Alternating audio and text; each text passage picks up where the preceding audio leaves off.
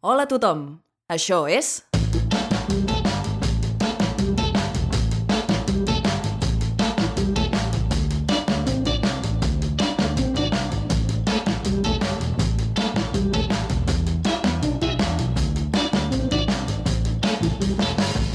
Verícid sulfúric. Avui a Verícid Sulfúric, Diari d'un boig. Adaptació del relat homònim de Nikolai Gogol, traduït per Belén Warner. Amb Oriol Fages com a cap de secció, Anna Ferrer Albertí com a Fidel, Laia Garcia com a Metgi, Clara Schwartz com a Sofia, Vicent Ortega com a guarda i la col·laboració estel·lar del noi aquest que està aquí parlant-vos ara ja des d'aquest moment, Albert Trifol com a Propixin. Moscou, 3 d'octubre de 1833. En el dia d'avui m'ha esdevingut un incident d'allò més singular. M'he llevat de bon matí ben descansat i, quan la Mabra m'ha portat les botes raspatllades, he preguntat quina hora era. Assabentat que ja havien tocat les 10, m'he apressat a vestir-me. Si he de ser sincer, no hauria anat per res al Ministeri, sabent la cara de pomes agres que faria el cap de secció. Des de ja fa molt em pregunta Què tens al cap, germà, que ets sempre així de caòtic? Vas esperitat, a vegades fas les coses a la babalà, ni el dimoni t'entendria. Escrius els títols en minúscules, poses les dates i els números de qualsevol manera. Maleïda gavina. Probablement m'enveja perquè m'asseca el despatx del director i faig punta les seves plomes. En fi, m'he posat l'abric vell i he agafat el paraigua. Al carrer no hi havia ningú, només una senyora gran que s'aguantava als baixos de l'abric, uns venedors russos sota un paraigua i un cotxer. De la gent com cal només hi havia el nostre germà funcionari. Ah, no, benvolgut, tu no vas al ministeri. Tu persegueixes el que tens a davant i li mires les cames. En això pensava quan he vist un carruatge que s'apropava a la botiga davant la qual passejava. L'he reconegut. Era el carruatge del nostre director. Però ell no hi ha de fer res en aquesta botiga, he pensat. Segur que és la seva filla.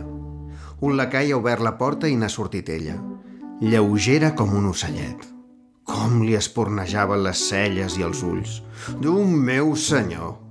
No m'ha reconegut perquè mirava de dissimular com més millor, ja que l'abric que portava era vell i estava passat de moda. La seva gossa no podia entrar a la botiga i s'havia quedat al carrer. Conec aquesta gosseta. Es diu Metgi. No ha passat ni un minut que he sentit una veu fluixeta. Hola, Metgi. Ves per on? Qui parla? He mirat al meu voltant i he vist un parell de dames, una vella i l'altra jove. Però ja havien passat quan un altre cop... T'hauria de fer vergonya, Metgi. Redimonis! He vist que la Metgi es flairava amb una gosseta que anava amb les dames. Ai, m'he dit a mi mateix. Segur que no vaig borratxo? No, Fidel, t'equivoques. Jo mateix he vist com la Metgi articulava aquestes paraules. Estava... Estava... Reconec que m'he sorprès molt sentint les gosses parlar. Però després, quan hi he pensat, tot m'ha semblat millor i he deixat d'estar sorprès. Al món ja s'han vist molts casos similars. Diuen que a Anglaterra un peix va sortir de l'aigua i va dir dos mots en una llengua tan estranya que tres anys després encara no saben què recolls signifiquen. També he llegit al diari que dues vaques van entrar a una botiga i van demanar dues lliures de te. Però reconec que m'he sorprès encara més quan la Metgi ha dit T'he escrit, Fidel. Potser en Polkan no t'haurà pogut portar la meva carta. que em retirin el salari si aquesta no és la primera vegada que sento que els gossos poden escriure. Només pot escriure correctament la gent com cal. Ells de ben segur. I alguns comerciants i serfs. Però la seva escriptura és mecànica, sense comes, punts ni estil. Reconec que des de fa un temps he començat a veure i sentir coses que ningú encara no ha vist ni sentit. Som-hi, m'he dit. Seguiré aquesta gosseta i aprendré qui és i què pensa. He anat rere les dues senyores i ens hem aturat davant d'una gran casa. Elles han pujat al cinquè pis. Bé, he pensat, ara no pujaré, però m'apunto al lloc i tornaré al primer moment que tingui lliure. 4 d'octubre. Avui és dimecres i, per tant, tocava anar al despatx del director. Hi he anat d'hora expressament i, un cop instal·lat, he esmolat totes les seves plomes. El nostre director deu ser un home ben intel·ligent. Tot el seu despatx està ple de prestatges amb llibres. Certament, és un home d'una altra pasta. Un home d'estat. Si se'm permet, però, he de reconèixer que sent un efecte especial cap a mi. I si la seva filla... Bajanades. Tant és, tant és, callo. Cap a dos de tres ha tingut lloc un esdeveniment que cap ploma pot descriure. S'ha obert la porta i em pensava que era el director. Així que m'he aixecat de la taula amb els papers a la mà. Però era ella, ella mateixa. Cel celestial, quina roba que duia. La tela era blanca com un signe. Uh, quin esplendor. I com mirava. Un sol, Déu meu, un sol. M'ha saludat i m'ha dit El papà no és aquí? Ai, ai, ai, ai, ai. Quina veu. D'un canari, realment, d'un canari. Sa excel·lència, voldria haver-li dit. No m'apliqueu més càstig, i si així ho voleu fer, que aquest càstig vingui infligit per la vostra magnífica mà. Redimonis. Tenia la llengua a la gola i només he dit no, no hi és. Després d'això ha sortit. Encara he segut una hora quan ha entrat un lacai i ha dit Vés-te'n cap a casa, Accenti Ivanovich. El cap ja se n'ha anat. No suporto els de la seva mena. Els lacais sempre estan plantats als passadissos i ni tan sols et faran un gest amb el cap. Que no saps, serv imbècil, que sóc un funcionari. Que sóc gent com cal. Ah, En qualsevol cas m'he aixecat. He agafat l'abric i me l'he posat jo mateix, perquè aquesta gentussa mai no ajuda. I he sortit. A casa he passat molta estona estirat al llit. Al vespre he anat a peu fins a Casa Excel·lència, pensant que potser la podria tornar a veure, però no ha sortit. 6 de novembre. El cap de secció m'ha posat furiós. Quan he arribat al ministeri, m'ha fet cridar i ha començat a parlar amb aquest to. I bé, digues, per favor, què fas? Com? Jo no faig res. Va, pensa-hi bé. Ja tens més de 40 anys, potser que comencis a posar una mica de seny. O et penses que no en sé res de les teves barrabassades? Mira que rondar la filla del director. Què et penses que ets? No ets res, absolutament ningú. El teu nom no val res. Mira't al mirall i deixa de ser tan pretensiós. Vell dimoni. Ell, que sembla un apotecari, amb un topè que se l'ha de fer amb rulos i se l'aguanta amb una pomada amb essència de rosa. Es pensa que ho té tot permès. Ja ho entenc, ja, per què l'ha agafada amb mi. Està gelós, perquè segurament ha detectat les senyals d'estima manifestades envers la meva persona. Com si ser conseller de la cort fos res important. Au, a cagar amb el diable. Jo sóc gent com cal. I sí, encara puc ascendir. Només tinc 42 anys. Encara em queda molt de temps. I avui dia, amb la meva edat, les carreres tot just acaben de començar. Espera i veuràs. Abans no te n'adonis serem coronels, o si Déu vol, qui sap, potser un rang més alt. I tindrem més reputació que no pas tu. Et penses que no hi ha ningú millor que tu?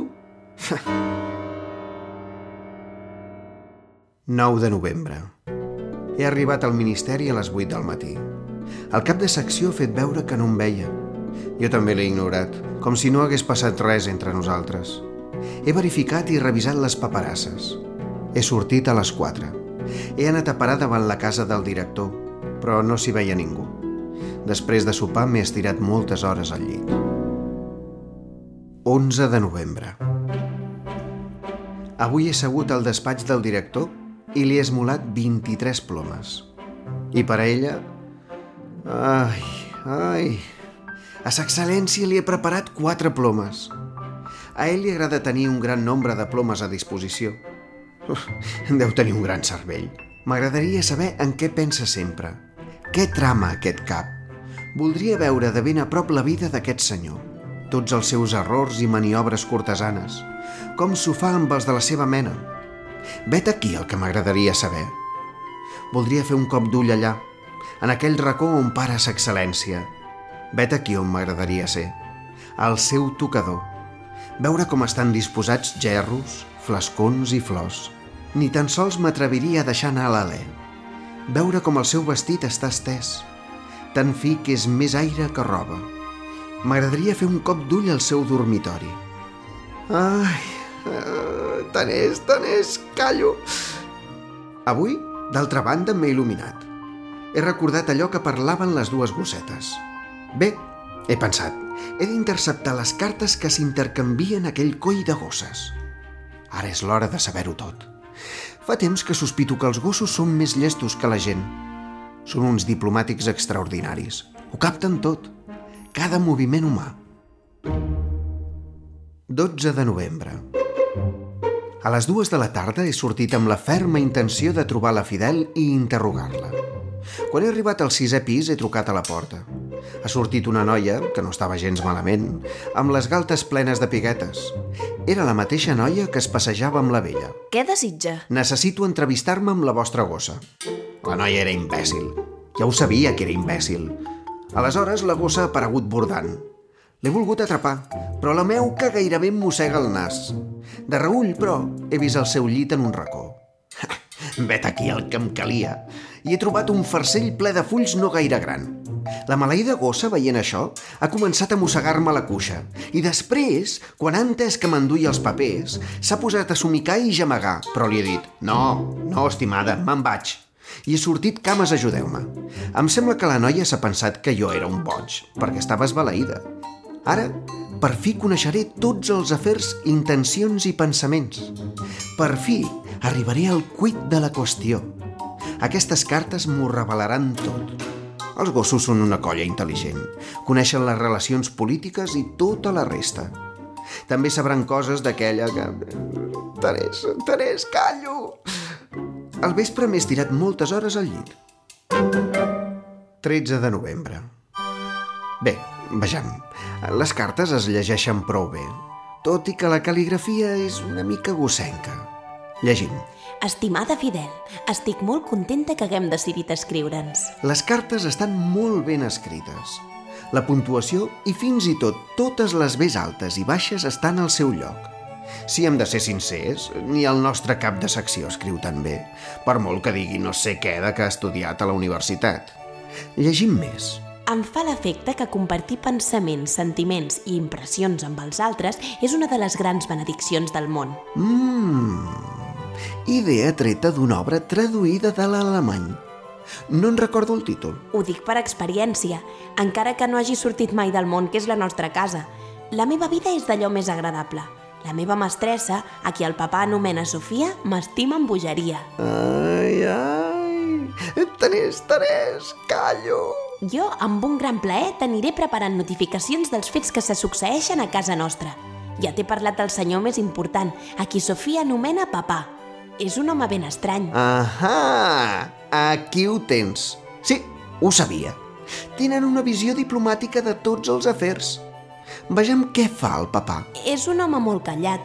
Parla en molt poques ocasions, però la setmana passada es preguntava sense parar l'obtindré o no l'obtindré. Agafava amb una mà un paper, l'altra buit el doblegava i deia l'obtindré o no l'obtindré. Una vegada es va girar cap a mi amb una pregunta. Què en penses, Meggi?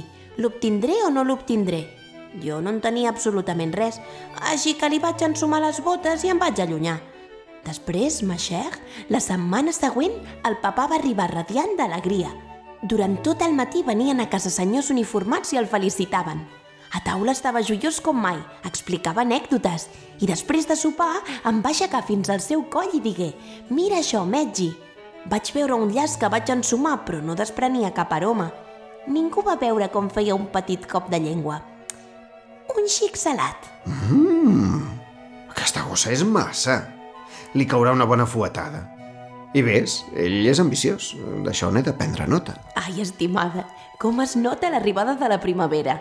Quan la Sofia seia a la tauleta mentre cosia, Ah, bé, vejam la Sofia. Ai, bajanades. Tant és, tant és. Hem de continuar. jo mirava per la finestra perquè m'agrada observar els passejants. De cop i volta, un lacai ha entrat i ha dit «Tie plof». Que passi. Ai, Metgi, Metgi! Si sabessis qui és, un cortesà ajudant de cambra i quins ulls foscos i espornejants com el foc. Ha corregut cap a les seves cambres. Un minut més tard ha entrat un menut ajudant de cambra amb patilles negres. Ha caminat fins al mirall, s'ha arreglat els cabells i ha observat l'habitació. La Sofia ha entrat ràpidament i ella ha fet un cop de talons.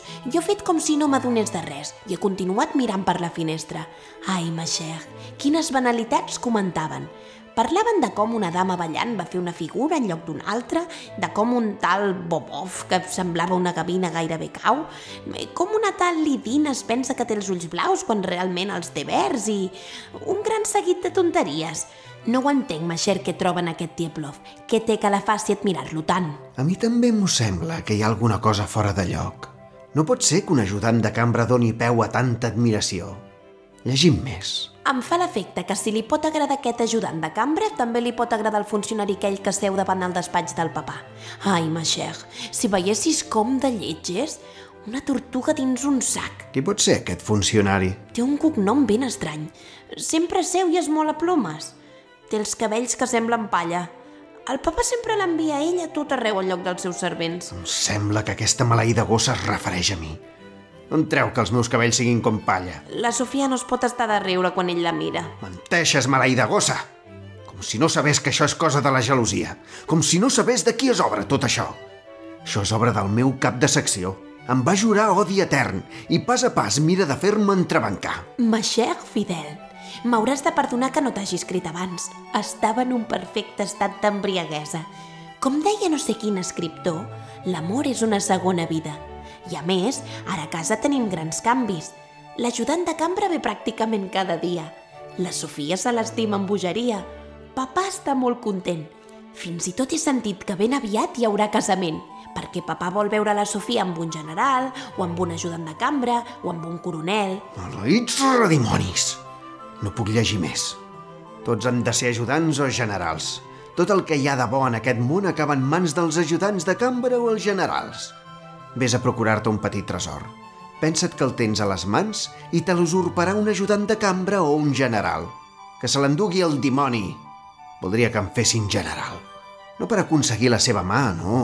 Voldria ser general només perquè m'agradaria veure'ls arrossegant-se a quatre potes rere meu, amb totes les seves brometes, i poder-los enviar a fer punyetes.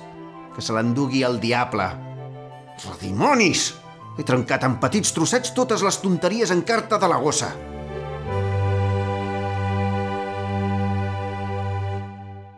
Desembre 3 No pot ser.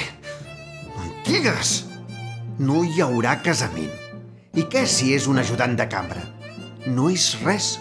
Només una simple distinció. No és res que es pugui veure o tocar. No és com si per ser ajudant de cambra tingués de cop i volta un tercer ull o un nas d'or. El seu nas està fet com el meu. Serveix per ensumar, no per menjar. Per estornudar, no per tossir. No sé quantes vegades he volgut discernir d'on venen aquestes diferències. Per què sóc titular conseller i a sant de què sóc titular conseller? Potser sóc un comte o un general? Qui diu que hagi de ser titular conseller? Potser ni jo mateix sé qui sóc. Potser jo mateix ho ignoro. No sé quants exemples n'hi ha a la història. Un home qualsevol, un comerciant o fins i tot un camperol descobreix que és un senyor o fins i tot un emperador. Si un senyor pot sortir d'un camperol, què no sortirà d'un home com cal? Que potser no podria ser ascendit en aquest mateix minut a governador general? O intendent? O a què sé jo? M'agradaria saber per què sóc conseller titular. Per què precisament un conseller titular? Desembre 5 Avui m'he passat tot el matí llegint els diaris. Ben estrany això que passa a Espanya. Ni tan sols he pogut desentrellar-ho bé. Escriuen que el tron està buit i que els grandes estan tenint problemes per escollir l'hereu. De manera que hi ha una commoció social. Em sembla extraordinàriament estrany. Com pot estar buit el tron? Diuen que no sé quina donya vol pujar al tron. No pot pujar al tron una donya. De cap manera. Al tron hi ha d'haver un rei. Sí, diuen que no hi ha rei, però és impossible que no hi hagi rei. L'estat no existeix sense un rei. El rei hi és, només que està amagat, vés a saber on. Desembre 8. Aquest matí realment volia anar al Ministeri, però algunes consideracions i reflexions m'ho han impedit. No em puc treure del cap l'afer espanyol. Com pot ser que una donya vulgui pujar al tron? No es permetrà. En primer lloc, Anglaterra no ho permetrà. A continuació, hi ha els afers polítics de tota Europa, l'emperador austríac, el nostre tsar... Reconec que aquests esdeveniments m'han sorprès i trasbalsat tant que no he pogut parar atenció en tot el dia. La Mabra m'ha fet notar a taula que estava extraordinàriament distret. I tant. Per distracció, dos plats he llançat al terra que han procedit a trencar-se. Després de dinar he sortit a passejar per les muntanyes russes. No n'he tret res útil. He estat molta estona estirat al llit i he rumiat sobre els afers espanyols. Any 2000. Abril. Dia 43. El dia d'avui és un dia de gran solemnitat. Espanya té rei. Se l'ha trobat. Aquest rei sóc jo. Me n'he assabentat justament avui. Reconec que de cop m'he sentit com il·luminat. No entenc com he pogut pensar i imaginar-me que era conseller titular. Com ha pogut entrar-me al cap aquesta absurda idea? Encara sort que ningú ha pensat tancar-me en una casa de bojos. Ara tot està obert davant meu. Ara ho veig tot clar. Abans no comprenia res. Tot estava com en una mena de boira. I tot això ve, em penso, de que la gent s'imagina que el cervell està situat al cap. No pas. És en el vent que bufa del mar Càspid. Tot seguit he revelat a la Mabra qui sóc. Quan ha sabut que davant d'ella hi havia el rei d'Espanya, ha començat a batre les mans que per poc no mor de la impressió. Ella, la imbècil, mai no havia vist un rei d'Espanya. Jo, malgrat tot, m'he esforçat a calmar-la i assegurar-li amb paraules de benevolència que no estava gens enfadat amb ella, encara que en ocasions no m'hagués polit les botes adequadament. No és més que una plebea, no hi entén dels grans temes. Al ministeri no hi he anat, que se'n vagin al diable. No, amics, ara no m'atrapareu. Ara no penso quedar-me copiant les vostres paperasses. Martubre, dia 86. Entre el dia i la nit. Avui ha vingut l'administrador perquè passés pel departament, ja que fa tres setmanes que no hi vaig. M'hi he presentat només per fer la broma. Al cap de secció s'esperava que li fes una reverència i que comencés a disculpar-me, però l'he mirat amb indiferència. Ni amb menyspreu ni benevolència. I he segut al meu lloc com si no passés res. Observava tota la canalla ministerial i anava pensant si sabéssiu qui seu entre vosaltres, senyor meu, aniríeu esvalotats. I al cap de secció baixaria el cap fins la cintura, com fa amb el director. Han posat davant meu uns papers que esperaven que resumís, però no n'he fet res. Uns minuts després tot s'ha aturat. Han dit que el director venia. Molts funcionaris han corregut a posar-se el millor possible per destacar davant seu, però jo no m'he mogut. Un director? M'he de posar a tremolar davant d'un director? Mai! Què és ell, un director? Realment és un cap de suro, res més. El més divertit ha estat quan m'han donat un paper per signar. Es pensaven que signaria conseller titular i tal i tal. De cap manera. En el lloc més important, on signa el director del departament, hi he firmat Ferran Vuitè. S'ha fet un silenci. M'he contentat en fer un gest amb la mà, tot dient no cal que intenteu fer cap gest. I he sortit. D'allà he anat a casa del director, però no hi era. Ulacai no em volia deixar entrar, però quan li he dit certes coses ha sigut incapaç d'aixecar la mà. M'he apropat fins una de les seves cambres. Ella seia davant el mirall i quan m'ha vist s'ha fet enrere. Jo, malgrat tot, no li he dit que es trobava davant el rei d'Espanya. Només li dit que l'esperava una felicitat tal que no es podia arribar ni a imaginar i que, malgrat totes les intrigues, acabaríem junts. No li he volgut dir res més i he sortit. Oh, quina criatura més pèrfida la dona. Ara ja entenc què és la dona. Fins ara ningú no ho ha entès, què és la dona. Sóc el primer a descobrir-ho. La dona estima el diable. Sí, ni cas del que diguin els físics i altres savis. Només estima el diable. Mira-la, des de la llotja, cap on apunta amb els binocles. Et penses que es mira aquell senyor gras amb l'estrella a la solapa? I ara? Mira el diable que hi ha entre els plecs del frac i li fa senyals amb el dit. I ella va cap a ell. I va. I ella s'hi casarà. Pots estar-ne segur que s'hi casarà. I tota aquesta colla, amb els pares d'alt rang, que fan el que calgui per anar desfilant a la cort i diuen ser patriotes, només volen que les pensions. Les pensions volen aquests patriotes. Mare, pare, Déu... Ho vendrien tot, aquesta colla d'oportunistes i d'ajudes.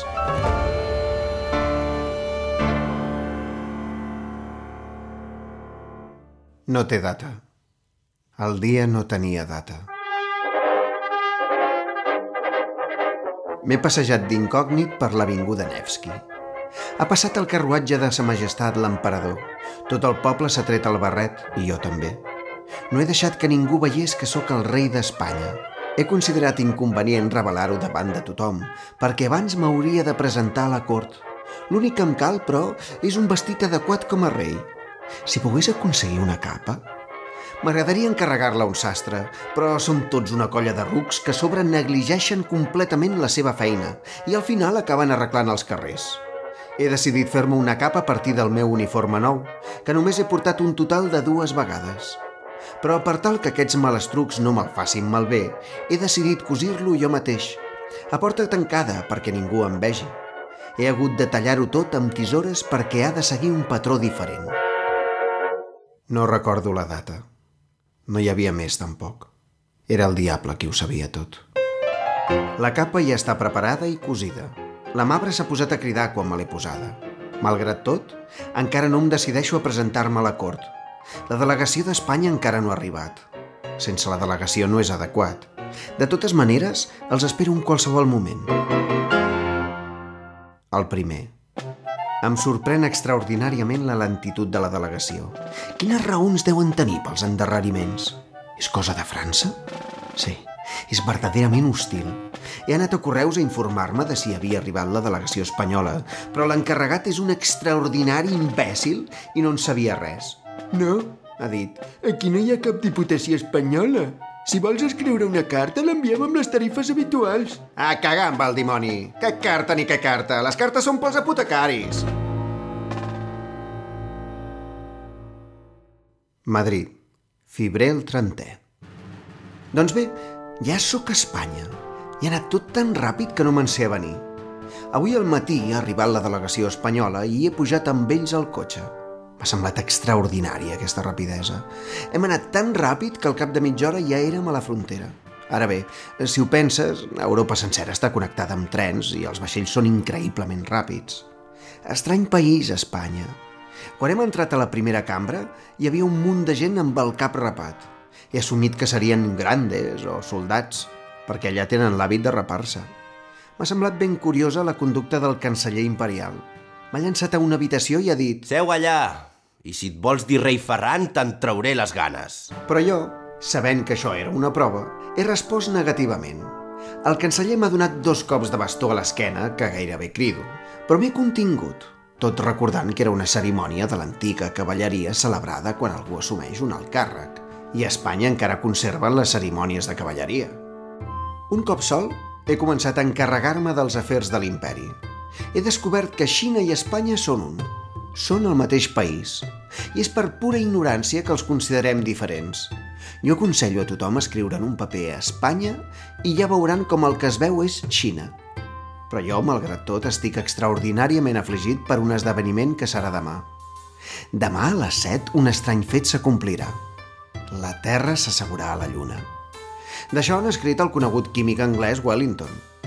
Reconec que he sentit un gran pesar quan m'he imaginat la delicadesa i la fragilitat de la Lluna. Està clar que la Lluna es fa a Hamburg, i es fa abominablement. Em sorprèn que Anglaterra no intervingui en aquest assumpte. La Lluna la fa un orfebre coix, i, com és obvi, aquest idiota no entén res de la Lluna.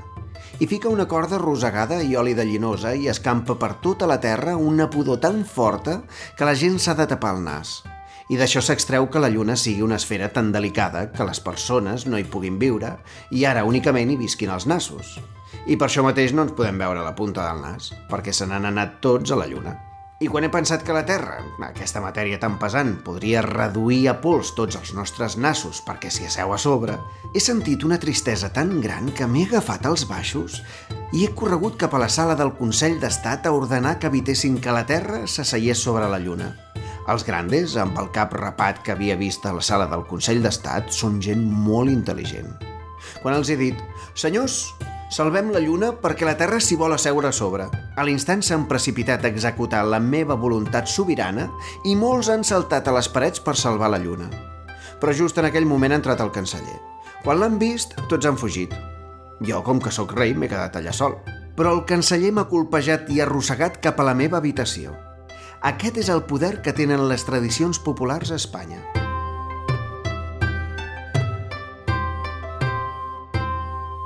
Gener del mateix any que seguia després de febrer. Fins ara no he pogut entendre què és Espanya. Les costums populars i l'etiqueta a la cort són realment extraordinàries. Avui m'han rapat. Encara que he cridat amb totes les meves forces que no em volia convertir en monjo. Però ni tan sols puc recordar què m'ha passat quan m'han començat a llançar aigua freda. Aquest infern encara no l'havia viscut. Estava preparat per enfurismar-me i amb prou feines m'han pogut agafar per l'esquena. No puc arribar a entendre el significat d'aquest costum tan estrany. És un costum estúpid, absurd. Em sembla inconcebible la irracionalitat dels reis que encara no l'han abolit. Jutjant totes les possibilitats, sospito que he caigut en mans de la Inquisició, o és més, que qui creia canceller no és res més que el propi gran inquisidor. No arribo a entendre com un rei es pot sotmetre a la Inquisició. Això, de ben segur, deu ser obra de França, sobretot de Polignac. Ui, la bèstia de Polignac! Ha jurat fer-me mal fins la mort. I heus aquí que em persegueix i persegueix. Però jo sé, amic meu, que et controlen els anglesos. L'anglès és un gran polític. S'hi fica per totes bandes. Ho sap tothom. El que esnifa a Anglaterra ho estornuda a França. El 25.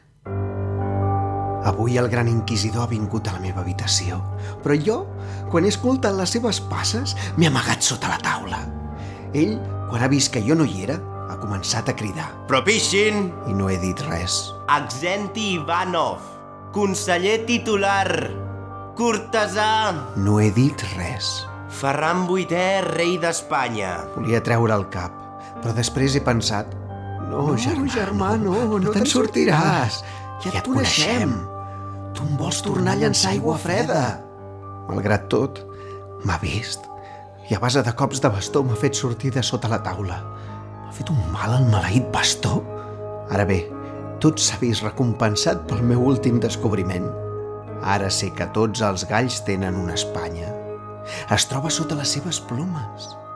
El gran inquisidor, malgrat tot, ha sortit de la meva cambra enfurismat i parlant de no sé quin càstig. Però no en faré res de la seva ràbia impotent, perquè sé que actua com una màquina, com una eina anglesa. I34E MSY 349 No, ja no puc aguantar-ho més. Déu, ai Déu, què fan, què fan amb mi? Em llencen aigua freda. No em senten, no em senten, no em veuen, veuen no m'escolten. Què els hi he fet jo? Per què em maltracten?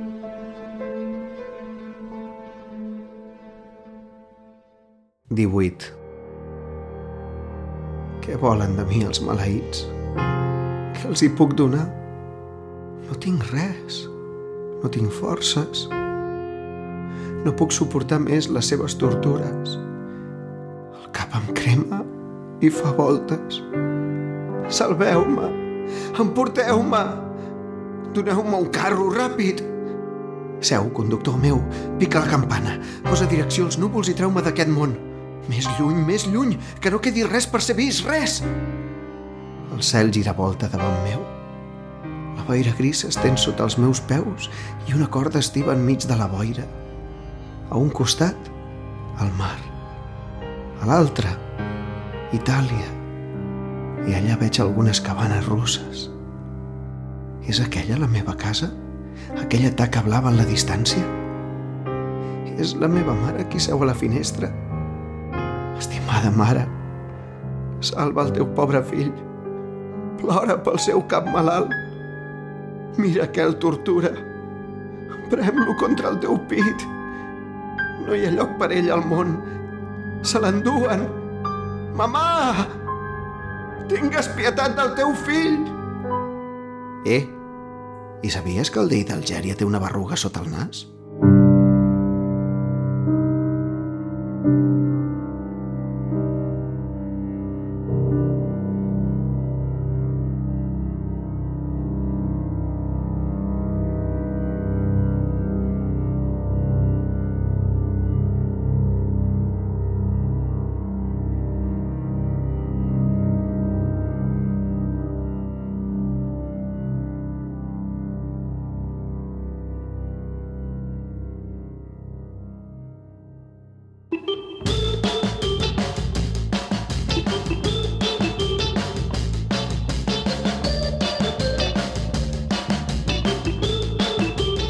Per escoltar Verícit Sulfúric. Pots trobar totes les novetats a vericitsulfúric.com i a Facebook i a Twitter sota el nom de Verícit Sulfúric.